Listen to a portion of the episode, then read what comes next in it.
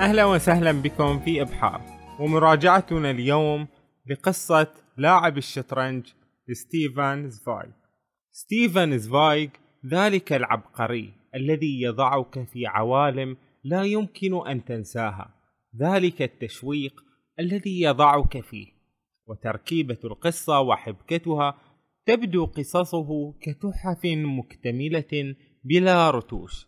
كل حدث في مكانه وكل فصل يكتب لغرض وله تأويل معين. في هذه القصة نستقل باخرة سياحية إبان الحرب العالمية الثانية.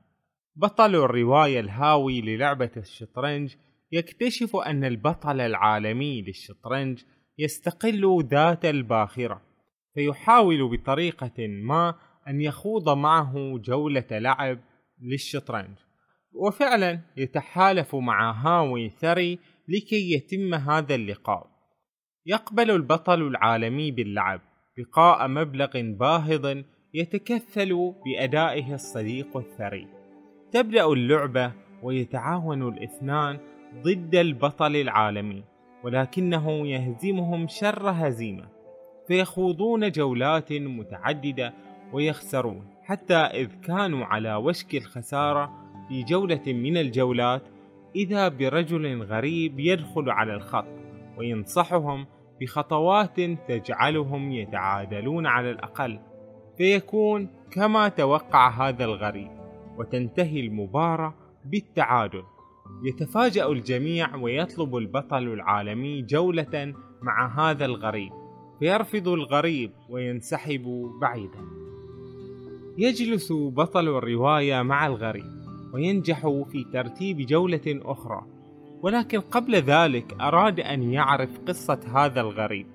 كان ذلك الغريب معتقلا في السجون النازية ووضعوه في حبس انفرادي يجعله متحطما تماما حتى يحصلون منه على المعلومات. كاد الغريب أن يجن من السجن الانفرادي والفراغ وذات يوم بينما كان في غرفة التحقيق إذ وقع نظره على كتاب ما. عرف أن هذا الكتاب سوف ينقذه من الفراغ الذي يعيشه فخبأه ورجع به إلى زنزانته. فما هو هذا الكتاب وكيف سيغير حياته؟ وما علاقة ذلك بلعبة الشطرنج التي ستجري؟ ولكن لحظة هذه الرواية كتبها الكاتب قبل انتحاره بأسابيع. فلا شك أن الرواية ترمز لشيء ما. ما أظنه أن رقعة الشطرنج تمثل الحياة كما يراها الكاتب. الحياة لعبة ضيقة حربية ولا يوجد شيء يستحق أن تستمر باللعب فيها لوقت طويل. ينهض الملوك والرؤساء في كل زمن ويبدأون جولة شطرنج جديدة.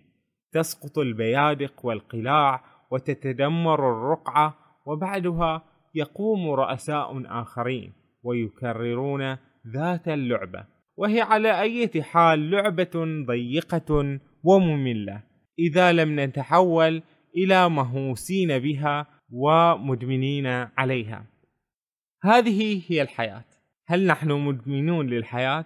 ذلك السجن الذي كبرنا فيه وجعلنا مهووسين فيه رغما عنا حيث لا يوجد غيره حسب اعتقاد الكاتب.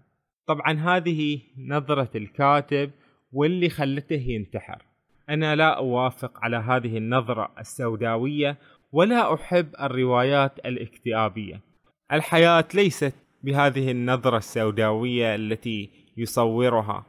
بالعكس الحياة فيها ما يجعل الإنسان يبتهج بكثير من الأمور. وأهم شيء من هذه الأمور هو الثقة بالله عز وجل حينما تشعر بأن لهذه الحياة معنى ولأعمالك معنى ولكل شيء تفعله معنى وقيمة. ولذلك كان الانتحار كفرا وجحودا.